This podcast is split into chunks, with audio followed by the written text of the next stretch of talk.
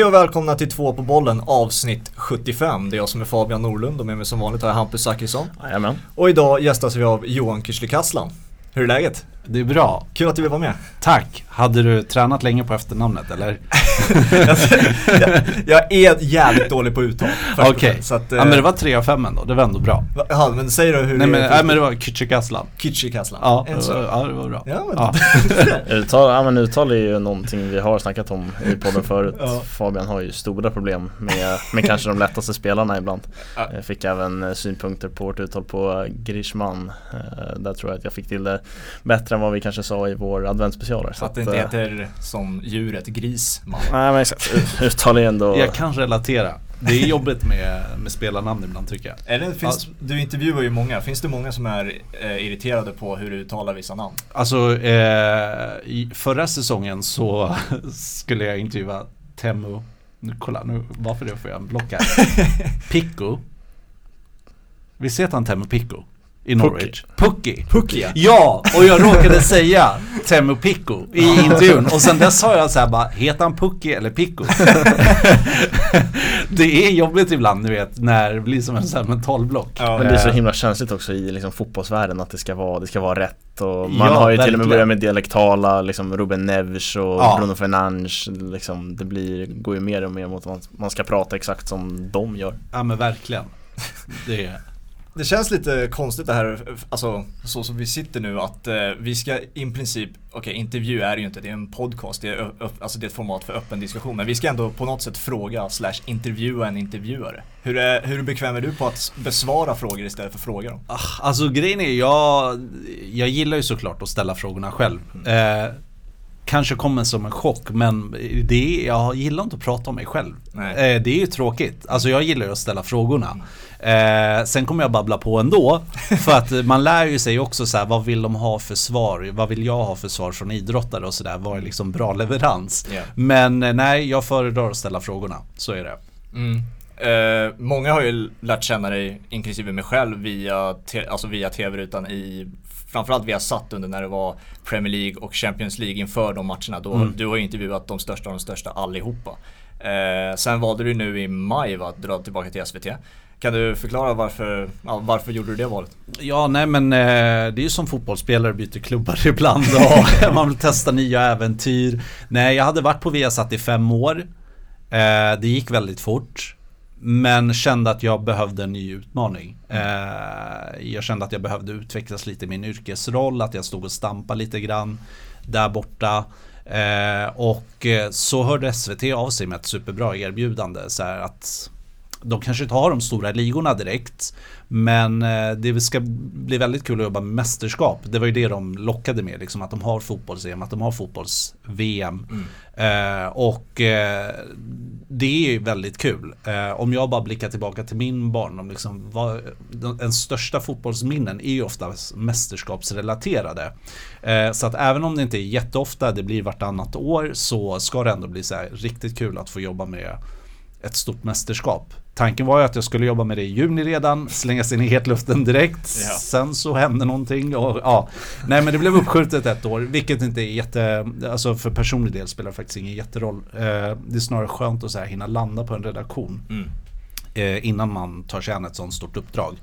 Eh, så att kort och gott liksom så kände jag bara att ja, men det kanske är dags att testa på någonting annat. Mm. Du har ju kört mycket allsvenskan, det har varit fokus nu på mm. senaste tid. Eh, relativt struligt kan jag tänka mig att det har varit nu under coronatiden. Det, hur, hur mycket har det skilt sig från pre-corona fram till nu? Alltså, är... alltså jag ska inte ljuga. Eh, det är klart det är tråkigt utan publik och allting på matcherna. Det är svårt att tända till ibland. Alltså man har suttit där på pressläktaren några gånger och känt så här, vad fan gör jag här? eh, ni vet, det är så yeah. låg nivå på spelet ibland. Yeah. Så att det är klart man saknar hela den delen. Men ur ett jobbperspektiv så är det väldigt lättjobbat när det inte är någon publik. Alltså man slipper tränga sig i långa köer och ni vet hela den delen.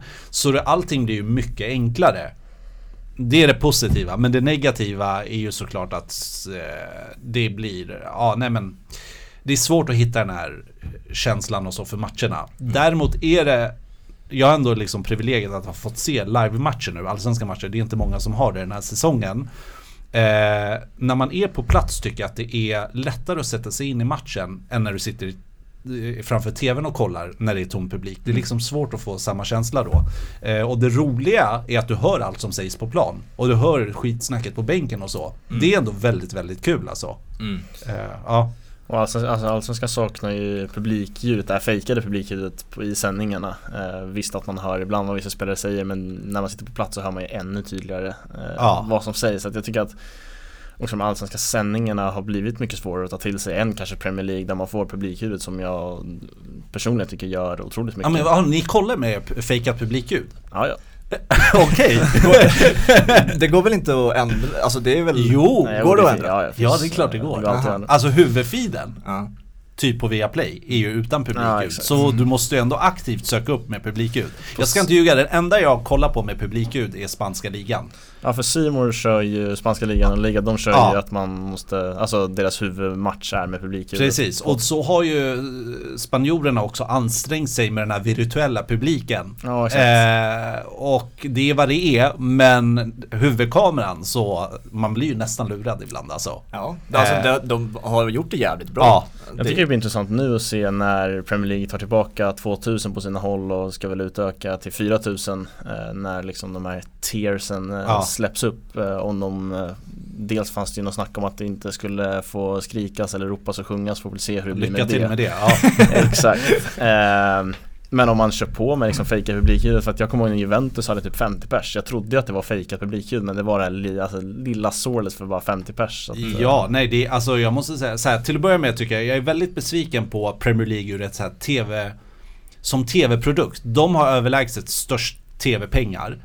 Ändå har de knappt gjort någonting för att rama in matchen och liksom försöka ersätta det här med tomma läktare. Det är ju bara tomma läktare och så är det lite banderoller, det är ingenting annat. Nej. Eh, där har de faktiskt inte tänkt till. Men eh, det här med publik. Alltså jag var i Kroatien och i Portugal nu på Nations League i höst. Mm. I Kroatien så var det ju 4000 och i Portugal så var det 5000. Och det är arenor som kanske tar 60-70 tusen. Mm. Men det gör jättemycket när man är på plats också med så få människor. Bara att man hör liksom en trumma eller någonting exakt. ger ju, man får ju nästan så här gåshud bara man pratar om det för att det gav en sån härlig känsla. Mm. Eh, så det kommer ändå vara bättre än ingenting liksom. Det är ju skillnaden på fansen från land till land. Hur Ja. är skillnaden på hantering av media från land till land? Oj, eh, jättestor. Mm. Alltså det har varit hemskt att jobba med Nations League i höst ur ett medialt perspektiv. Dels har Sverige haft, alltså första samlingen då hade de två hemmamatcher. Då var det ändå helt okej för då gjorde förbundet, måste jag ändå säga, de försökte göra det bästa av situationen. Eh, men när det har varit bortaplan, då lägger sig det svenska förbundet platt helt för värdnationen. Så att eh, i Kroatien till exempel, då kommer vi dit, då är det så här, äh, ni får inte filma med er egna kamera, ni får inte filma presskonferenserna. Eh, samma sak i Portugal, och då är det så här, ja, men det går inte att göra TV här. Nej. Du vet, då måste vi vänta på att de skickar hem en feed till oss, till Stockholm, som vi sen laddar ner. Och det har varit katastrof. Och sen så har vi knappt fått göra några fysiska intervjuer, utan det har varit så digitala pressträffar. Mm. Jag hat, alltså efter den här hösten, inte en till Skype-intervju. Det var därför jag inte ville göra det här, den här intervjun heller. Nej. Nej. Men det är hemskt. Alltså det går inte att göra TV, för skrivande det blir knappt någon skillnad. Men det går liksom inte att göra TV med Skype-intervjuer. Jag är så trött på att se Skype-intervjuer nu. Eh, och det var så, nej det var riktigt svårjobbat i höst faktiskt, eh, med landslaget. Det, det var ju en intervju nyss som eh, har uppmärksammat, eh, uppmärksammats väldigt mycket nu. Jag såg du på Twitter också var du gillade den. Eh, jag tror du vet var jag vill komma. Jörgen Klopp, eller? Jörgen, Jörgen Klopp ja. Eh, du ska få säga vad du tycker om den men jag vet också Hampus, du är ju Liverpool-fan. För de som inte riktigt vet vad som hän- hände där, du kan ju först berätta egentligen vad, vad som var så enastående med den och sen vad du själv tycker som Liverpool-fan när du ser den. Ja. Känslan är väl att liksom Klopp inte alltid har bäst koll på vem som bestämmer vad. Nej. Och här, i det här fallet har han bestämt sig att det är TV-bolagens fel att Liverpool spelar 13.30 matchen på lördagen, vilken han, vilken han hatar. Han har inga problem att spela 18.30 för att då får de då får de några timmar extra och nu, eh, ja, nu gratulerade väl TV-bolaget till att James Miner var skadad för det var det var det, var det de ville enligt eh, Han får ju släppa det här nu. Alltså så här, det börjar bli, vet ni vad det börjar bli som? Det börjar bli Mourinho-gnäll. När det går tungt för laget. Håller så, helt, ja. håller helt Det är Eh, väl han det kanske som- inte har fel i sak.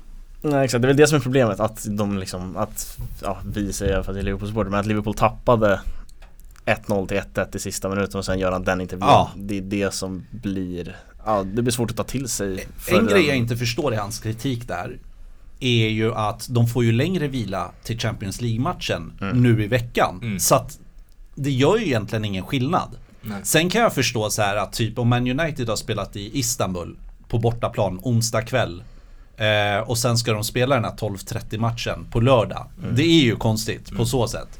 Men i det här fallet, gnället var inte befogat. För de får ju faktiskt, de spelar en tisdagsmatch Liverpool i, i Champions League. Mm. Det är klart det är bättre att de spelar tidigt på en lördag än att de spelar 18.30 lördag och sen 20.45 på tisdag. Mm. Alltså det är väl så att jag är jag, väldigt märkligt att han har hakat upp sig på det här så pass mycket.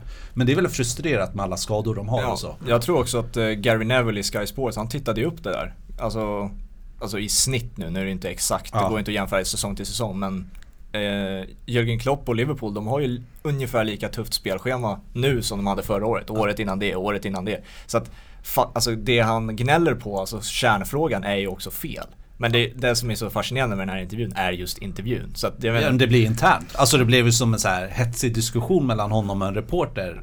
Har du, har du haft en liknande? Eh, inte med honom så. Eh, men grejen är, man vet, så här, jag gillar ju honom jättemycket. Mm. Jag tycker alltid han eh, har varit enkel att ha att göra med. Jag har intervjuat honom, alltså jag har gjort så här sitta ner intervjuer med honom tre, fyra gånger tror jag. Genom åren. Han är jävligt trevlig och det är lätt att kallprata med honom och så. Men man vet ju också att när det går dåligt för hans lag, då får han en annan lite hemskare ton. Ja. Eh, sen har det gått väldigt bra för Liverpool senaste åren, så att han har ju nästan alltid varit glad när man har intervjuat honom och han har varit på sitt goda humör.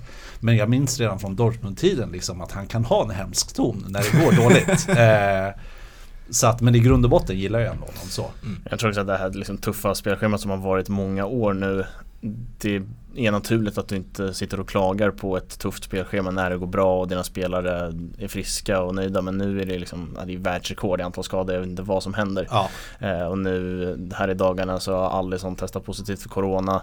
Så att liksom det där laget bara står ju och faller samman liksom. Så att, uh, ja, frustrationen över skadorna förstår jag väl. Och, det, det, är väldigt intressant att när Klopp kom, då sa man att det här skulle hända. Alltså Klopp kommer köra ner sina spelare för han roterar väldigt sällan. Han kör med mm. sin samma startelva. Och det, det borde de inte ha breddat truppen lite mer. Alltså speciellt försvarssidan om man kollar. Mm. Han har ju sagt så här, nej men vi kan inte ha fyra världs, eh, centra, alltså centrala backar i världsklass för att då kommer två sitta på bänken. Mm.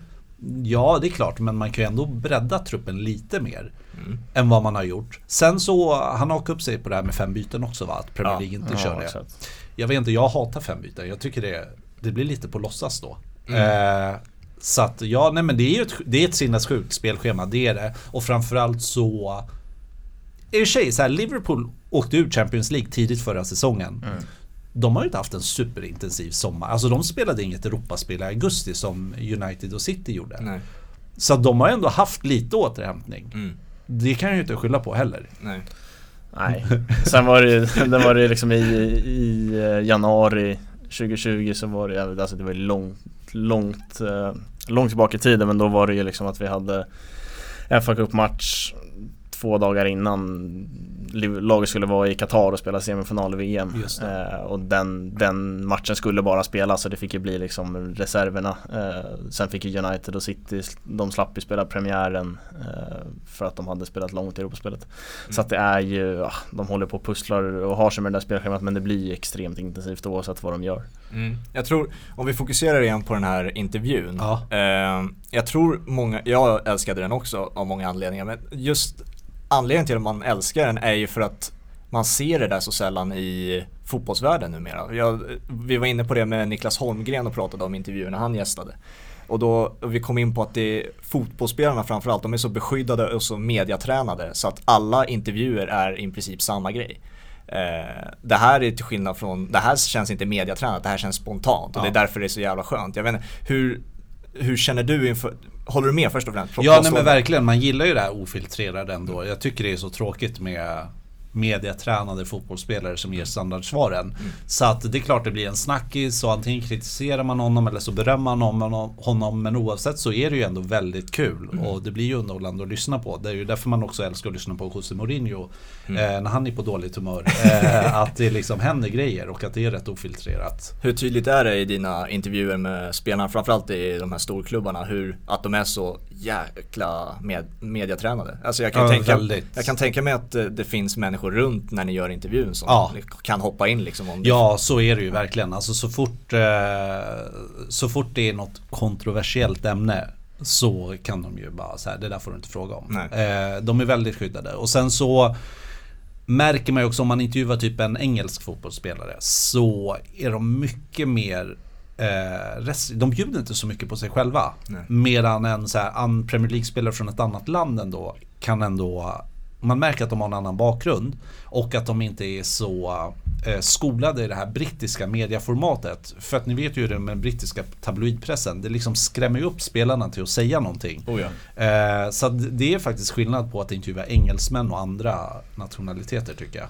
Jag tror inte, jag tror inte liksom spelarna som kommer upp idag heller behöver mediatränas på samma sätt för att det enda de har hört när de växte upp det är ju de här intervjuerna där man pratar massa men man säger ingenting. Nej, så är det ju. Jag satt och kollade på um, AIK-Djurgården damderby i hockey och Djurgårdens tränare sa liksom nej men i övrigt så är det våra direktiv att vi ska åka skridskor. Åh fan, men det, det, känns ändå tryggt att ni ska göra det. Ja. Det är ändå hockey ni ska spela här i 3 gånger 20 minuter. Så att det är ju liksom de här klyschorna och flosklerna hela tiden. Så att man behöver liksom inte mediaträna spelarna på samma sätt idag Nej. tror jag. Mm. Nej, det, alltså detta exempel jag kommer på bara. Jag, vi, jag har ju följt din eh, serie här på SVT med landslagsstjärnorna. Ja. Eh, Robin Quaison och Kajuste får exakt samma fråga av dig. Ja, eh, vad, tänk, vad tänker du om framtiden? Exakt samma svar. Alltså nästan, ja. det är citat där exakt. Jag har 100% fokus på min klubb, men man vet aldrig.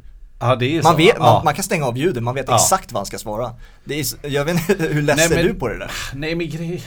Alltså så här, det konstiga är, jag förstår ju dem på ett sätt också. Även om jag vill ha ett annat svar. De kan inte säga så här, jo men jag drömmer om den här klubben. För att i, i dagens klimat, sånt där slår tillbaka. Mm. Alltså det där kommer ut på sociala medier eller någonting. De kan bara få skit tillbaka. Mm. Så att även om det blir tråkiga svar så förstår jag dem till stora delar också. Eh, det är svårt det där. Men eh, jag kommer ihåg när jag intervjuade Emil Forsberg en gång. Så sa han just om det här så här, för att han är ändå, alltså för att vara så en svensk landslagsspelare på hög nivå så är han rätt lättillgänglig. Han kan svara på sms och så. Mm. Eh, men så sa han också så här, mina så här, de tyska spelarna här, de yngre, stora herrarna, de lär sig redan från början så här, gör inte media från klubben. Mm. Att klubben liksom säger till dem så här, nej men ni behöver inte göra media och så. Att det är mycket svårare. Sen när vi var i Leipzig, liksom, då var det ju han själv som styrde upp allting. Men för klubben var inte särskilt hjälpsamma. Så det är ju tyvärr åt den riktningen det går. Liksom, att den här nya generationen spelare eh, får lära sig så här, men ni behöver inte göra media. Mm. Och det är skittråkigt. Tack och lov i alla fall känner jag lite så med, den, med de svenska eh, spelarna ändå. Även så här Kulusevski och Isak och de här. De är lite restriktiva med tanke på deras status och så, men de ställer ändå upp för svensk media. Mm. Det gör de. Och det är väl, du var inne på det här mediaklimatet, att det är väldigt dömande. Det ja. var ju därför det är så jävla uppfriskande att höra Dejan säga jag vill bli bäst i världen i din intervju. Ja, verkligen. Det, det är ju väldigt oväntat ja. med att höra en sån kommentar, för speciellt från en svensk. Så är det ju, och han säger det på ett sånt naturligt sätt också. Mm. Att det är så självklart för honom att man bara älskar det och att han inte framstår som så här kaxig eller någonting. Utan det är bara den mentaliteten han har. Mm. Eh, och sånt gillar man ändå, alltså mm. verkligen att höra liksom med spelare som vågar säga högt vad de siktar på. För det är många som också är så här rätt restriktiva bara, nej men det där vill jag hålla för mig själv. Mm. Och det är ju alltid tråkigt tycker jag. Ja det var ju nu i dagen också när eh, Peter Kisvalodi hade gästat eh, Lunds podd och berättade om hur han hade rådslagit Dejan att be om en ett till år i Parma på mm. utlåning och Dejan hade svarat liksom skojar eller de har betalat de här pengarna för mig, jag, jag ska nog spela i det här laget. Mm. Så att eh, just Dejans eh, mentalitet är ju eh, ja, spännande och uppfriskande. Verkligen. Peter Kisfarodi alltså. Det är den tränaren jag har varit mest rädd för att spela under i hela mitt liv alltså. Är det så? Du har BP-bakgrund ja, också eller? Jag, ja, jag lirade hans första lag i BP 00. Alltså, då var han det... ser far... är han farlig eller? han, är... har något i blicken liksom han, han, är världens snällaste när man, ah, okay. när man surrar ah. utanför plan och sånt där. Det finns ingen mer trevligare människa. Men när det är ju sådana här klass, klassiska, när man kliver in de vita linjerna. Alltså, Ja. Det är ingen annan tränare du vill göra mer nöjd än honom. Okej. Alltså jävlar vilka krav han ställer alltså. Jag minns en match när vi lirade i Sanktan då, då var vi relativt unga, 14 år. Eh, jag satt på bänken där matchen och man hör ju honom då sitta och klaga i princip på varje aktion. Och sen så sätter då någon 1-0. Och eh, det är, han är arg för att eh, forwarden valde att ta två touch istället för att slå det på ett. Det är liksom den Aha, kritiken han oj. sitter. Han säger, "Ah, vad fan i helvete tar han två touch för? Och så tittar han på bänken som att Ja. vi skulle ha svar liksom. Jävligt fräsch igen också. Eller? ja, Ja. ja han, han tränar på bra. ja. Nej, han är grym. Eh, tillbaka till intervjuer. Sidospåret Ja, där. så- exakt. Eh, det här med mediatränande spelare, Ja. Uppfattar du tränare likadant? Är de lika bevakade av Nej, klubben? alltså jag tycker rent generellt så är det alltid lättare att intervjua tränare än spelare. Mm. För de kan uttrycka sig på ett helt annat sätt. Eh, både i Premier League och i Allsvenskan. Eh, det är för att de, eh, jag tror i grund och botten är de, alltså de är ju äldre, de är mer trygga i sig själva. Eh, de, ja nej, så att tränare rent generellt är väldigt lättintervjuade. Mm. Jag tycker också spelare tränas för att liksom inte skapa rubriker. Exakt. Eh, tränare, jag tror inte, de mediatränas inte på samma sätt och liksom Mourinho har väl gått i bräschen där att han vill skapa rubriker. Precis. Ja, att han, vill vin- han vill ju vinkla media åt rätt håll Ja. hela tiden. Det känns ju som att tränare mer har den instruktionen av klubben. Alltså, Exakt. vinkla det så att vi mår bra eller att vi är taggade för en viss eh, specifik eh, match eller turnering eller något sånt där. Det är ju det som tränarens typ 50% av Ja. jobb är numera. Speciellt i media är det ju. Ja. Eh, och det är ju tydligt.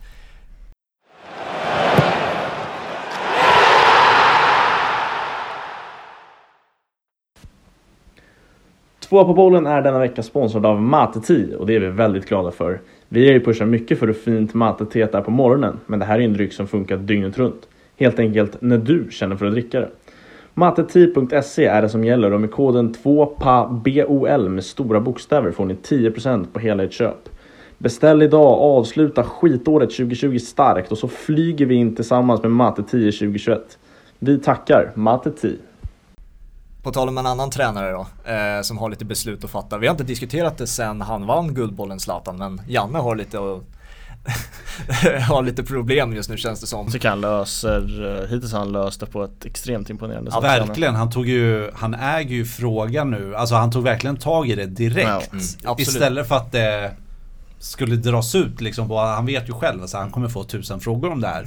Så, uh, så agerade han ju direkt. Mm. Det ska bli väldigt spännande att se vad som händer där. Ja, Alltså, jag håller med, han sköter det grymt och så. Det är inte det jag vill diskutera. Jag vill snarare mer diskutera Zlatan då. Eh, jag vet att du eh, twittrade om det också, att när man väl såg den här intervjun med Ja. Erik Niva den här gången menar han allvar. Det här är ingenting han liksom Ja, skämt, skämtar om. Jag, det skrev jag till Hampus också. Du var lite mer skeptisk tror jag Hampus. Men jag kände att det här, nu, Ja, alltså- nu vill han tillbaka. Ja, han, han ser ju ut värlig och det han säger känns ärligt men liksom, man har fått lära känna Zlatan och just de där orden att han, så här, får jag frågan ska jag tänka på det.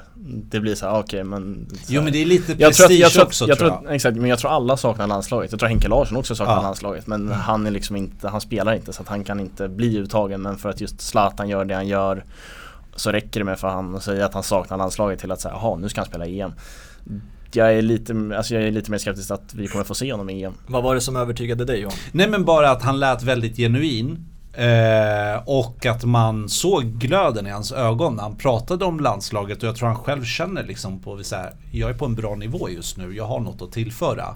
Eh, och sen tycker jag också att han gav så här bra så Han fick frågan om det där Instagram-inlägget han la upp till exempel.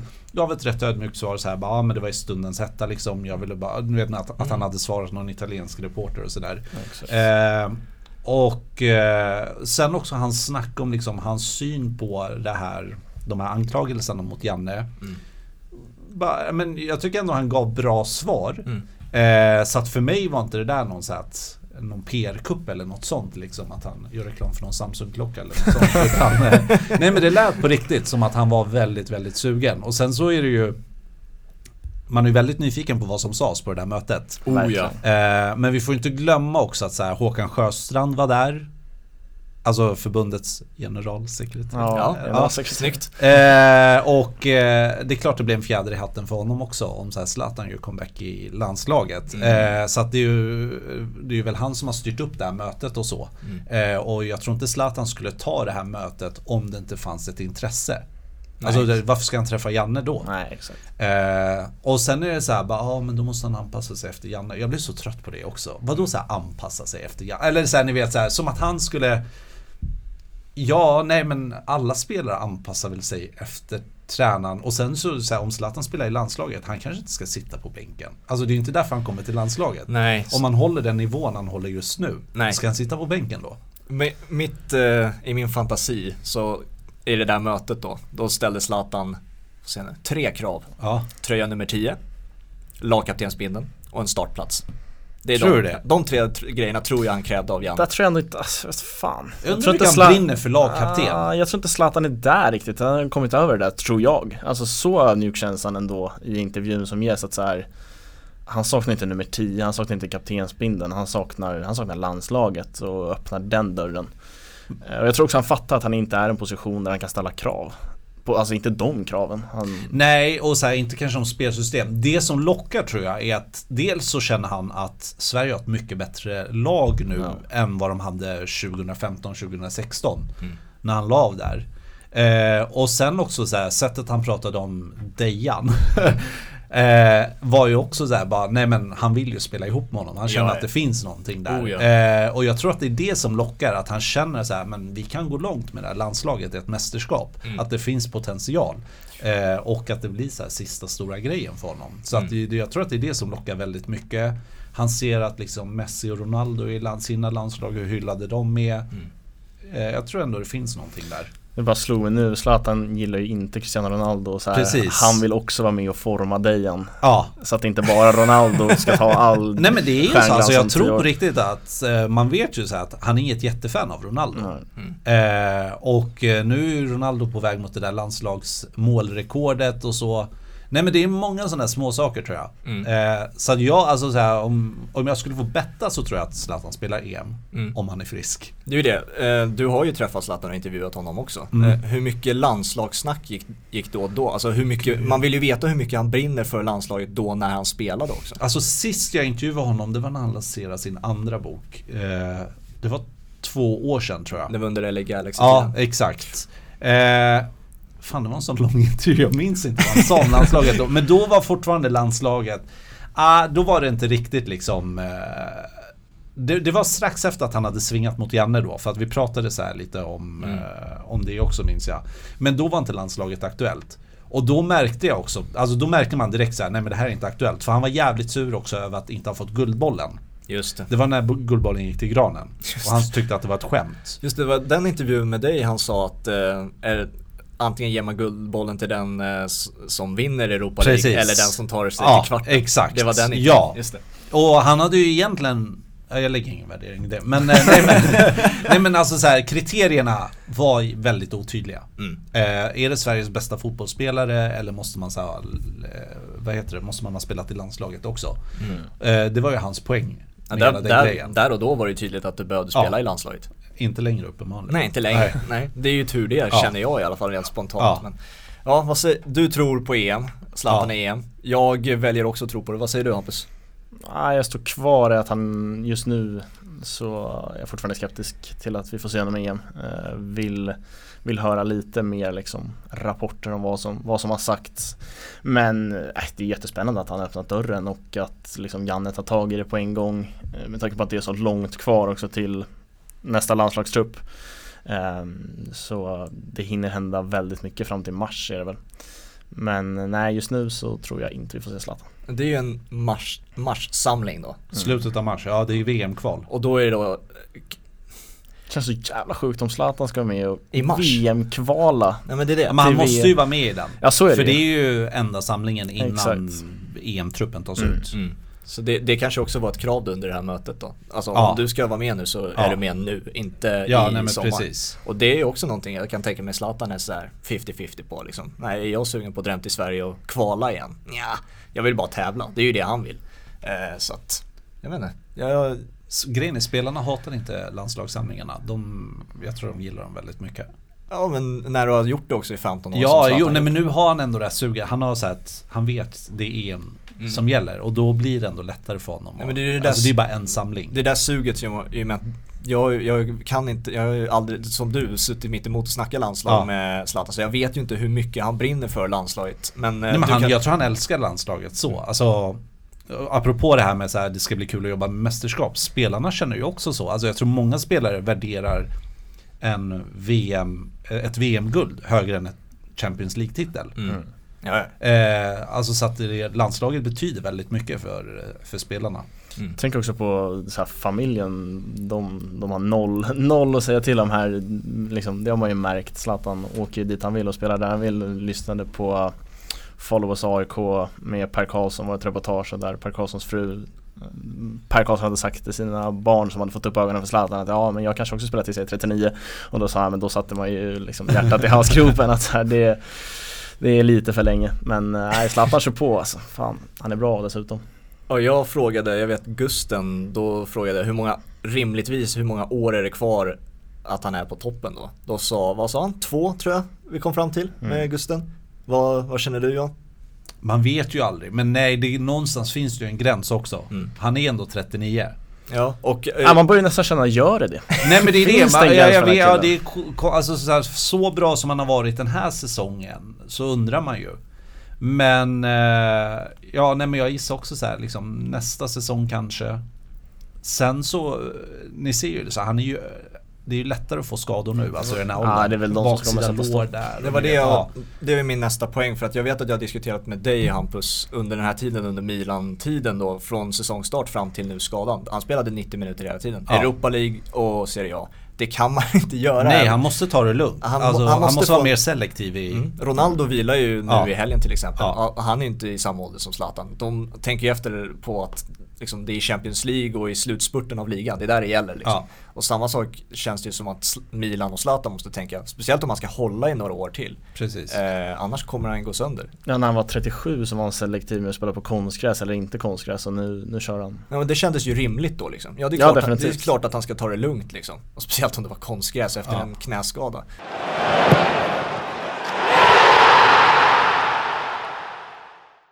När vi eh, skrev att du skulle gästa Ja. så fick vi ju några frågor på sociala medier då. Eh, Ja. Tänkte vi kunde dra dem. Ja, se, absolut. se vad du har för Ja. kommentarer till dem. Mycket gliringar och passningar från kollegor. så väl- är det va? väldigt mycket verkligen. kollegor Det hade- kan, det kan jag tänka mig. eh, jag tror att den här har du sett. Låt mig gissa, Jonas Dahlqvist har skrivit något. Nej, faktiskt ja, inte. faktiskt inte. okej. Det- Har han gästat podden? Nej det har han Nej. inte faktiskt. Aha, det är därför. Anders Bjur hade någonting Ja. att fråga om. Jag såg att du hade sett det också på Twitter. Eh, hur mycket betyder mentorn Anders Bjur egentligen? Nej men det är en, en god vän. Eh, det, det är faktiskt, eh, när jag gillar Anders. Eh, vi har jobbat ihop mycket så här, man har varit ute på matcher liksom och så. Mm. Mycket i Manchester med honom och Glenn. Eh, nej men det är kul. Sen är alltså mentor 0% mentor. Han är kommentator, jag är reporter. Ja vad fick, eh, det var den kopplingen jag drog också. Vad, ja, vad fick han den nej, nej men han driver ju. Ja, jo, jo, det Eh, förstår jag också. eh, Ja det fattar det är jag. mer en rolig kollega. Jaha. Ja, En annan eh, rolig kollega Ja. så här, Milad ja, har skrivit ja någonting här. okej, SVT-kollega. Ja, eh, först och främst, eh, vem är din SVT favoritkollega? Är det Milad va? jag, kan, jag vågar inte svara någonting annat. nej men det finns många bra, väldigt diplomatiskt. Det finns många bra människor på SVT. Ja, Milad, eh, Milad är högt uppe. han påstår ju att han är högst. Ja, ja så är det. Så är det. Han svarar frågan åt dig. Precis, jag försöker vara hans mentor där. Han hade också en intressant fråga. Ja. Hur, alltså, har du bara eh, skjortliknande jack, jack, jackor i garderoben? Det är mitt favoritplagg. Det är det du har- alltså overshirts. Ja, men ja, du- har- det har jag på mig nu Ja. också. Ja. Eh, nej men ni vet hur det är, ibland så, så här. Det är lite olika faser liksom. Det går några månader när man känner sig, ja men jag gillar en massa olika overshirts. Det är väldigt bekvämt att ha på sig det tycker jag. Mm. Eh, sen nu i vinter så här, det är svårare att ha på sig dem när man har en tjock jacka också. Så det kanske, ja. Men eh, nej, det blir väldigt mycket overshirts. Ett perfekt plagg så här höst och vår tycker jag. Du har hittat din stil. Ja, precis, precis. Eh, Får se, nästa fråga. Det är från en viss eh, Linda Küchley Jaha, det är min syster. Ja. Vad har egentligen hänt med ringfingret? Ringfingret? Japp. Jaha, gud. Nej men jag har, eh, jag har fyra och en halv fingrar, eh, min vänsterhand. Ja, jävlar, eh, det var ser. faktiskt hon som orsakade det när vi var små. Nej. Jo, vi hade en träningscykel eh, och så cyklade hon och jag la fingret liksom. Ja, för de som inte ser då. Det, Ja, det är ett- lite äckligt. det är- Eller jag inte grejen, man tänker ju inte på det. Det är ett halvt, ett Ja, halvt, ett halvt ringfinger. Ja. Ja. Det, mina syskon har också förstört mitt lillfinger är ju Oj, både, oj, både ja. snett och märkligt. Ja. Det var ju min eh, storebror som, eh, vi stod och tryckte ner massa frigolit i en eh, papperskorg som liksom locket kunde man lyfta upp. Så lyf, eh, lyfte han upp locket och vi stod och mörsade ner massa frigolit. Eh, och sen ville väl jag se ner i papperskorgen så jag satte mina händer där liksom på kanten. Eh, och så stängde han igen eh, och trodde att det var frigolit emellan så han liksom bara hängde Aj. på den där och tryckte. Aj. Eh, och jag, Syskon är hemska. Ja, och så som jag fått det återberättat för mig så sprang jag väl upp och grät och eh, brorsan kom tätt efter och sa att det inte var jag. det, det, var, inte- det var inte han och då sa farsan nej men vem fan var det då? men Eh, då, så att, då eh, tre har vi ju något gemensamt. Jag kan inte göra tummen upp med, mitt, eh, med min vänstertumme. På riktigt? Ja, så här. Vadå, Nu, vad har hänt där? jag bröt handleden för två år sedan så nu efter jag tog av gipset den, sen så kan jag inte göra tummen upp. Fan så, vad sjukt. så då, de som inte, det är därför man ska ha videopodcast Ja. egentligen. Men jag sitter alltså med en tumme som pekar sidleds. Så jag kan ju Sjukt göra... att det här blev en freakshow nu. Liksom. Ja, verkligen. Ja, Nej, men vi, vi ger oss ut på turné. Visar upp våra Hand defekta händer. Ja, exakt. Eh, vi fortsätter. Ehm, det här är lite mer vanligt, jag Ja. antar att du har hört den här frågan massa gånger. Mest omtänksamma och trevliga fotbollsspelare du har intervjuat? Eh, oj, vad svårt. Är det det? Nej men grejen, alltså så här, man glömmer bort jättefort också för att intervjua så många. Mm. Eh, men så här omtänksamma. Jag ska inte ljuga, alla är rätt självupptagna. Alltså det är mycket prat om dem själva. Jo. Eh, sen är ju många så här jätteschyssta. En man så här, jag brukar alltid svara i och för sig att så här, Paul Pogba typ kan vara, eller är väldigt ödmjuk och så här Mm. eh, fötterna på jorden. Eh, ja, jag gillade att intervjua honom eh, för att han var så vanlig. Och han var sig själv också. Mm. Alltså man kan ha förutfattade meningar om honom. Men det var inte så här, många ni vet när kameran slås på då lägger de liksom på en personlighet. Ja. Men han var ändå, han var jävligt skön även utanför. Mm. Ehm, sen Pochettino är för sig tränare men han är också väldigt jordnära och så här, ställer många motfrågor till en. Mhm. Så fort han får att man är från Sverige, så här, börjar prata om VM 2002 när de mötte Sverige och Mm. Argentina. Ehm, och nej, väldigt också så här, omtänksam och ja. Knepig engelska på honom dock. Lite svår att Ja förstå. men ändå, alltså han lärde, alltså jag tycker ändå så här sen, senaste säsongen pratade han ändå bra. Mm. Alltså ja, eh, kanske inte den optimala så men ändå, han, man förstod ju vad han sa. På tal om Pogba så hittade jag bara för någon dag sedan en gammal video från VM 2018 där han står och trummar i omklädningsrummet och kommer på någon ramsa on the spot där med massa spelare från landslaget.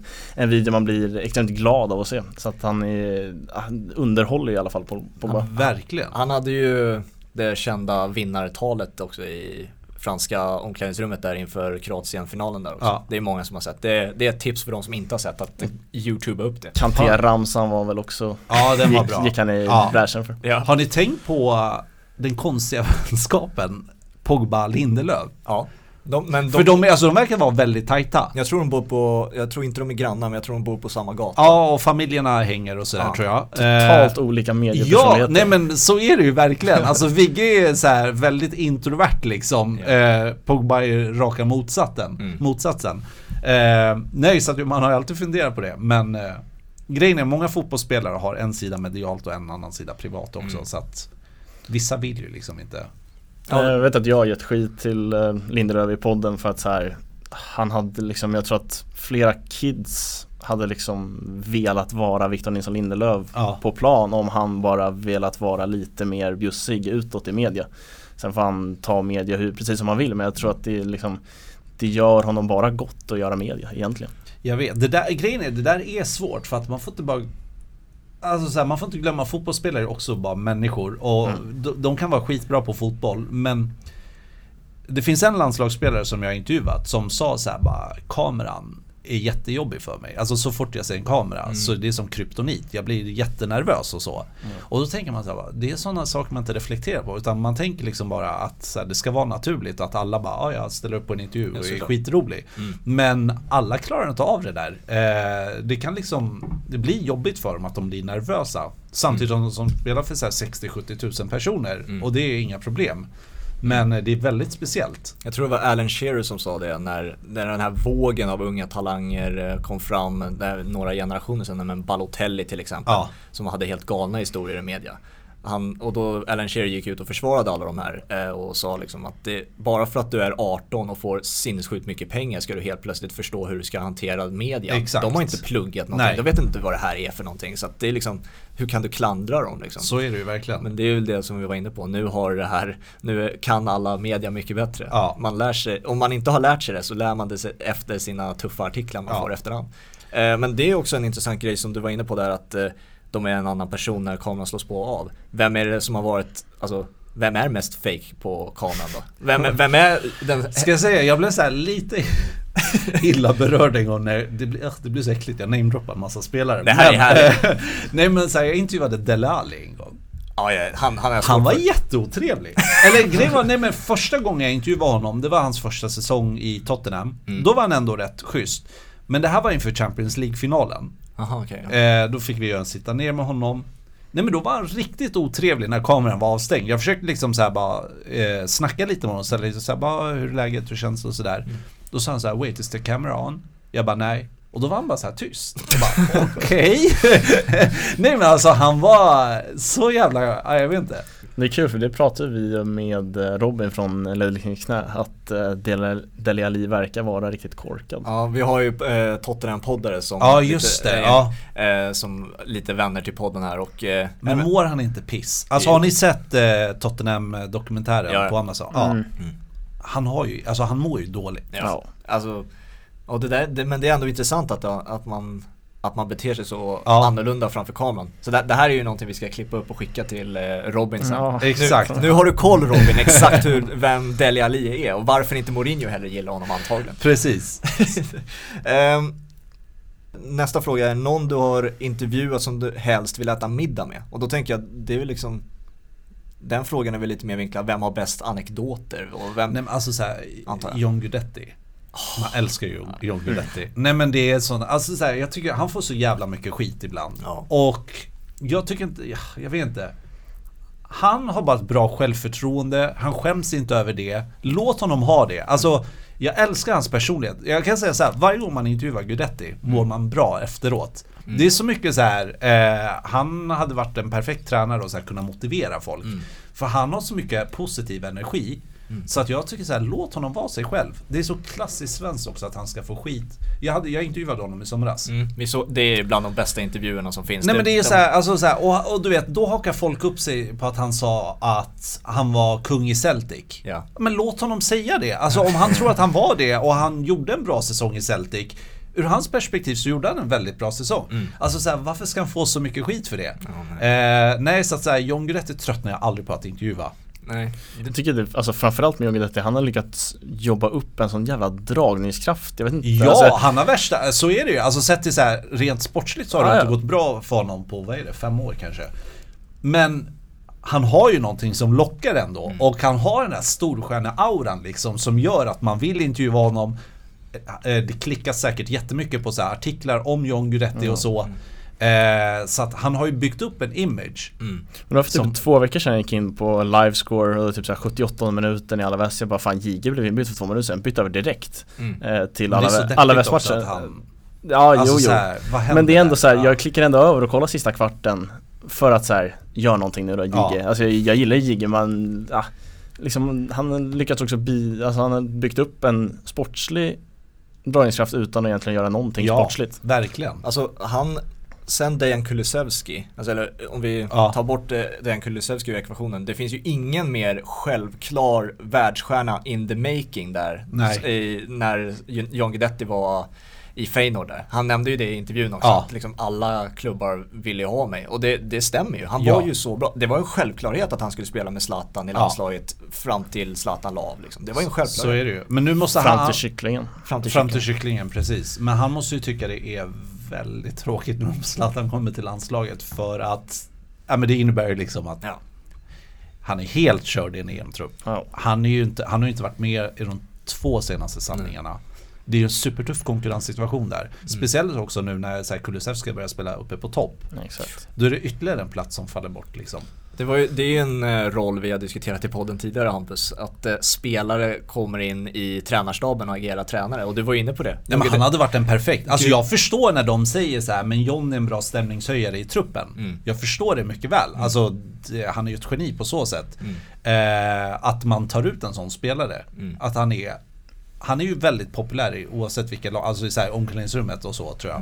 Eh, för att han har just den där energin som behövs. Ja, det- hade varit ett genidrag av Janne. Ja ta- men vi snackade ju om att här, Andreas Granqvist, inga problem med att han får följa med till ett mästerskap som någon hjälpande hand Ja. till Janne för att de har liksom en väldigt bra connection och liksom trivs, trivs med varandra så att så här, om han får följa med som någon sorts diffus liksom, i- människa i staben och bara är en av grabbarna liksom. Där är väl John John på samma sätt eh, fast liksom ändå inte en helt annan typ än vad Granqvist är. Granqvist är ju bra på liksom kan tänka mig att han är ganska skicklig på det taktiska och allt det där. Eh, och JG kan bara vara den stämningshöjare han är. Så är det verkligen. Mm. Det är en annan fråga här, vilket är ditt favoritlag undrar någon?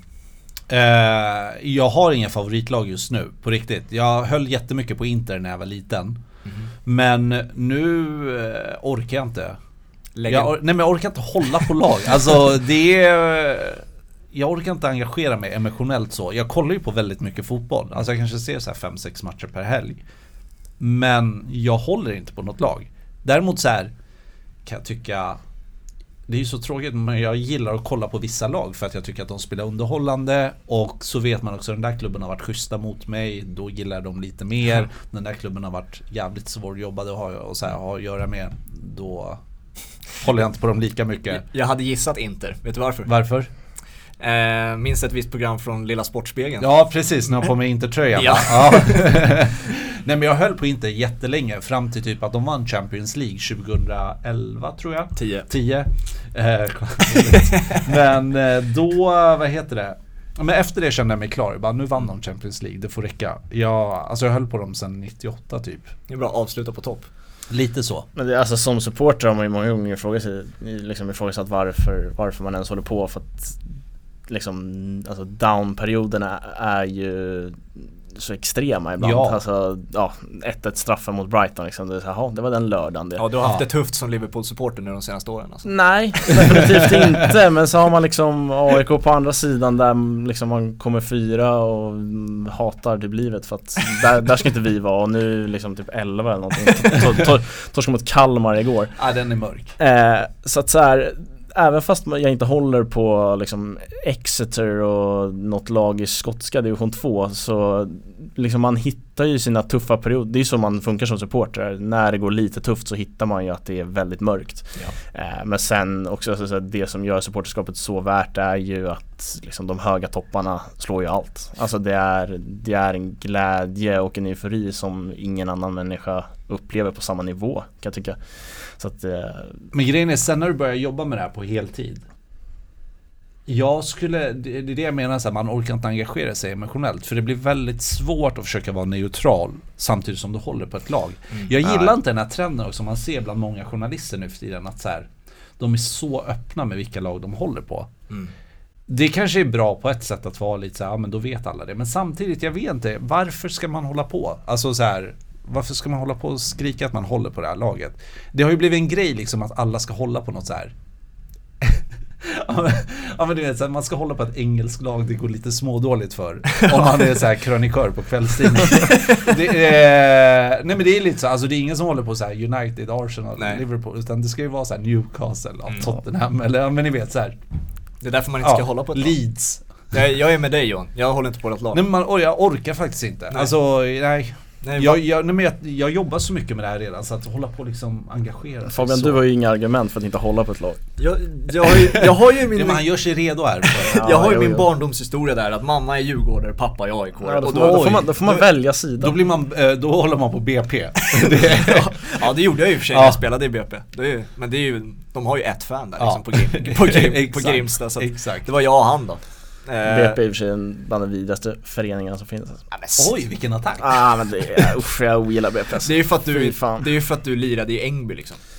Det gjorde jag också Ja men alltså också ha BP en profil som liksom är Är de självgoda? Ja den är, den är uff, obehaglig bara Du men om du är bäst i, en av de bästa talangerna i Stockholm Då får du ju ett visst självförtroende redan när du är 13-14 Ja problemet med BP är att de tar ju killen som är vä mest välutvecklad när han är 13, han spelar i BP. Mm. Sen när han är 15 och alla andra kommer ikapp, så äh, fan stick till Spånga alltså, någonting. Inte 13, han går ju till BP när han är 5 år gammal. Ja exakt, och det är det som är snuskigt mm. och obehagligt. Otroligt gnabb här om BP. jag, jag, alltså, jag tillhörde BP så jag vet ju exakt hur jargongen går liksom. Så, eh, och hur utvecklande det är Har ni haft, hen, ni har haft Henrik Strömblad som gäst här? Ja. ja. Han älskar ju klubben. Ja, gud ja. Nej men jag, alltså, jag är all for liksom toppning och sånt där men BP har tagit till en nivå där det är, äh, där det liksom inte är okej. Du som, i Tyskland va, man inte har eh, så här, utvecklingslag förrän det är typ 15 års ålder. Alltså definitivt ska man räkna resultat och allt sånt där men eh, just att så här, BP tar de mest välutvecklade 13-åringarna där liksom de bollskickliga 13-åringar som inte har kommit in i puberteten och kanske inte gör det för som fyra år. Mm. De, de bryr sig inte om för att de kommer ändå inte vinna matcher då. Eh, de har de elva snabbaste, starkaste Men är inte gubbarna. det en affärsidé? Typ att få fram talanger och sälja dem? Jo. Det är ju ja. en av BP's, det är ju helt klart, alltså, jag vet inte om de har någonsin gått ut med men det är ju liksom, det är jättetydligt ja. att det är så liksom. De tjänade, vad var det, 30 miljoner på Dejans ja. försäljning? Det är ju långa investeringar ja, liksom. så det, Och det är en verksamhet som verkligen fungerar. Så. Ja verkligen, men sen faller också de där 10 000 som har slutat med fotboll, de, de är det ingen som snackar om. det är lite trist av de där 10 000. Du platsade inte i BP eller? nej, jag vill inte spela i BP. Alltså, ja, jag tror att det är lite... Nej, alltså BP har man lärt, lärt sig tidigt att det är, det är där vill man inte vara. Jag, jag, ska, jag har ingen relation till dem så, här, så jag kan liksom inte ge mig in i den här diskussionen på nej, ett bra nej, sätt. Nej, jag förstår det. Det är lite... Vi, vi... Men ja, det jag vet är så här, alla spelare man intervjuar som kommer från BP är ju bara så positiva. Men det är ju också för att det har gått bra för dem. Men de var ju liksom Ja, de det var ju de här som De som ja, har kommit fram det är ju alltså, Till exempel de som du har intervjuat, det är John Guidetti, det är Dejan, sen Albin Ekdal. Ja. De var liksom, de var inte bäst i BP, de var bäst i Stockholm ja. liksom, i sin ålder. Och då är det klart, om, den, om, den, om man har en sån spelare i sin förening, det är klart man gör allt för den unga talangen att han ska må, må bra och sen successivt äh, leta sig ut utomlands. det, är klart, det är klart för att man uppskattar den klubben för att de jobbade så hårt för den. Ja. Sen, jag vet också att det, är så här, det finns BP-spelare som har suttit i frysboxen två år. Liksom jag har exempel från min storebrors lag där de satt i frysboxen i två, tre år, gick till Ängby och sen gick till semifinal i Sanktan sista året man spelade det. Så att det är mycket bra fotbollsspelare som liksom bara försvinner på grund av att det, äh, det är så, sån otrolig toppning. Mm. Så är det. det är en bra surr om BP ändå mm. Hampus. Jag visste ändå inte att det var, det var så stort agg Nej, nej, nej, verkligen. Ja. Eh, den här nästa frågan som vi har fått är, eh, den är jag taggad på att få veta om det finns något. Det konstigaste du har varit med om under en resa när du har gjort ett reportage? Eh, Där lär det ju finnas någon. Ja, alltså det är mycket konstigt alltid. Alltså det är, jag vet inte om det är så här, ni vet man kan sitta och vänta 3-4 timmar i ett sånt här litet konferensrum på en person. Mm. Mourinho älskar att vara sen. Eh, ber aldrig om ursäkt heller. Eh, det har varit så här att folk ställer in. Mm. När man har åkt jättelångt och bara, nej det blir inget. Louis Figo, det här är det sjukaste. Jag vill inte ens prata om det för jag blir på dåligt humör. Men eh, jag skulle träffa Louis Figo i Madrid. Alltså efter att han har lagt av. Det här för mm. två år sedan tror jag. Ja, men då åker vi till Madrid. Och då, så här, agenten hade sagt till mig bara, men ni får träffa honom på tisdag eller onsdag. Och då flyger vi ner på så här, måndag så att vi landar på kvällen. Eh, ringer agenten bara, vi är här nu. Så här bara, ja hur blir det imorgon? Och får först inget svar, så ringer jag och sen smsar han bara, ja jag får återkomma. Och så går så här tisdagen, bara nej han kan inte ge mig något svar. Onsdag kan inte ge mig något svar. Vi ska flyga hem på torsdag förmiddag då ringer jag så redaktionen i Stockholm och jag bara, jag tror inte det blir något med Figo. och eh, de bara, jaha. Och ni vet, det är ju inte jättebilligt heller att vara Nej, du vet, reporter, fotograf, hotell och allt sånt där. Så att då fick man ju så här panik springa ner till stan och intervjua supportrar. Och göra något så här skittråkigt jobb. Ja, det var mörkt alltså. Det var ett stort misslyckande. Hade man Figo i bakhuvudet samtidigt som man Ja, nej men och så ser man sen när han lägger upp på Instagram att han är på golfbanan. nej men det är jävligt provo- alltså det är väldigt provocerande. Eh, De avslöjar sig själva också, inte för att han bryr sig men eh, Nej det var, det var faktiskt mörkt. Fan. Fan vad roligt. Alltså ändå, att man har så, man bryr sig absolut eller han kanske inte visste att han skulle ha en intervju. Mycket oklart. Eh, jag tänkte ändå så han har ju en, alltså hans fru är ju svensk. Så att, Ja, ja, Ja. Det, var en öppning. ja, ja nej men det var ju så det var. Alltså jag ringde hans svärfar. Svenska svärfar. Eh, du var inne på Mourinho där. Ja. Shit vad han alltid ser missnöjd ut när han är med dig. Alltså på Med bild- mig? På bilden. alltså, är, det, är det så? Men jag, grejen är, jag har bara intervjuat honom när han har varit på pissigt humör. Det är så? Ja. Eh, Det är ingenting du har sagt till honom? Nej nej nej, alltså det har eller jag vet inte. Eh, men eh, det, är så, det, det är också så här en konstig grej med det, Jag intervjuade honom när han var tränare i United ett par gånger och det gick ju tungt där. Eh, I och för sig inte så här, och det var också konstigt så här, först, eller ja, andra säsongen han var där gick det ändå helt okej. Men eh, nej men så här, då kom han och så ska jag så här kallprata lite med honom som alltid. Och då skojar jag och säger så att Portugal förlorar mot Sverige dagen innan i en, eh, en träningsmatch. Ja. Nej men då får jag ju världens utskällning av eh, Karen Shotbolt, deras presschef. Jaha. Och bara What stupid eh, question is that? Eller någonting sånt. Jag bara, I was, ja, men jag bara jag försökte bara vara lite så här rolig och liksom skoja till det. Ja. Nej nej, det, var, det, det är liksom på den nivån. Men sen också när han ser typ, eh, vad hette han, målvakten, australiensan. Mark. Schwartz. Ja, Mark Schwarzer jobbar som expert för australiensisk TV. Okej. Var där också och skulle intervjua honom. Då är det såhär, Mark, hi, how are? Du vet, då var han skittrevlig och det är klart man känner sig jävligt liten då alltså. eh, ja. För det finns, varför jag ställde frågan som jag gjorde var för att det finns ju en bild som är så jävla rolig. Du står och verkligen jätte, jätte Ja, jag vet, och han bild. tittar rakt fram. Han, han tittar Ja. rakt in i kameran och ser ut som att han vill dö. Ja. Alltså, det är världens bästa bild. ja men det var, ja men det var såhär, intervjun var klar. Och så var det så här, ja, kanske inte riktigt läge och bara, kan vi ta en bild? Ja. Och så ber jag så här fotografen jättefort bara, och så går jag till José och bara, kan vi ta en bild fort? Och så här, så trycker ju fotografen så här, han håller i kameraknappen. Ja. Så att bilden ju, alltså du vet, det fanns ju andra bilder också men jag tyckte att den var jävligt rolig för den förklarar nästan så här sinnesstämningen liksom, hur det var på riktigt. Ehm, jag vet inte, ska vi knyta ihop säcken? Ja. Vi har kört en timme nu. Ja jäklar, det gick fort. Ja, en Stort- halvtimme om BP. Behöver mer om BP. Exakt. Du får surra om någonting annat nästa gång du gästar. Precis, precis. Stort tack att du ville vara med Ja Johan. men tack så mycket. Eh, du ska också berätta för alla som lyssnar var man kan hitta dig på sociala medier och sånt där. Ja nej men jag heter Johan Kücükaslan om ni kan bokstavera det. Det står, står i avsnittet. Ja, eh, på Twitter och Instagram. Eh, sen så, nu har jag inte gjort några avsnitt på några veckor men jag har kört en eh, SVT Play-serie som heter Landslagsstjärnan. Mm. Allsvenska stjärnan gjorde jag i eh, våras. Och sen under hösten har jag också gjort något som heter Blågult från sidlinjen. Ja. Eh, bevakat landslaget. Bakom kulisserna så gott det går. Ja. Eh, så att det fortsätter vi med i, i vår här förhoppningsvis. Kan du Ja. na- namedroppa någon som kommer? Nej men jag vet inte, vad, eh, jag har inte planerat något. Nej. Alltså vad tycker ni? Eller vem vill ni se? Oj, eh, av landslagsspelarna då? Det känns som att jag har gjort alla roliga liksom. Inte om Zlatan kommer. Då Nej, så är det ju. Eh, ja, vi får se hur lätt det blir.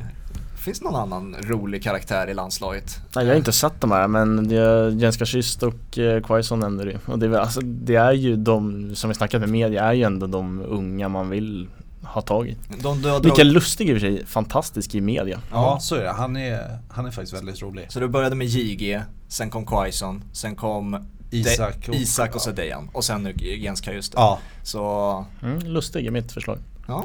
Eh, stort tack återigen. Får hemskt Tack gärna eh, gästa en gång till eh, när du har tiden för det. absolut. Eh, så alla ni som har lyssnat, vi hörs på söndag igen med adventsspecial nummer två och sen hörs vi med en allsvensk sammanfattning med Therese Strömberg veckan efter. Få Ha ha det. så bra, tja! Tja!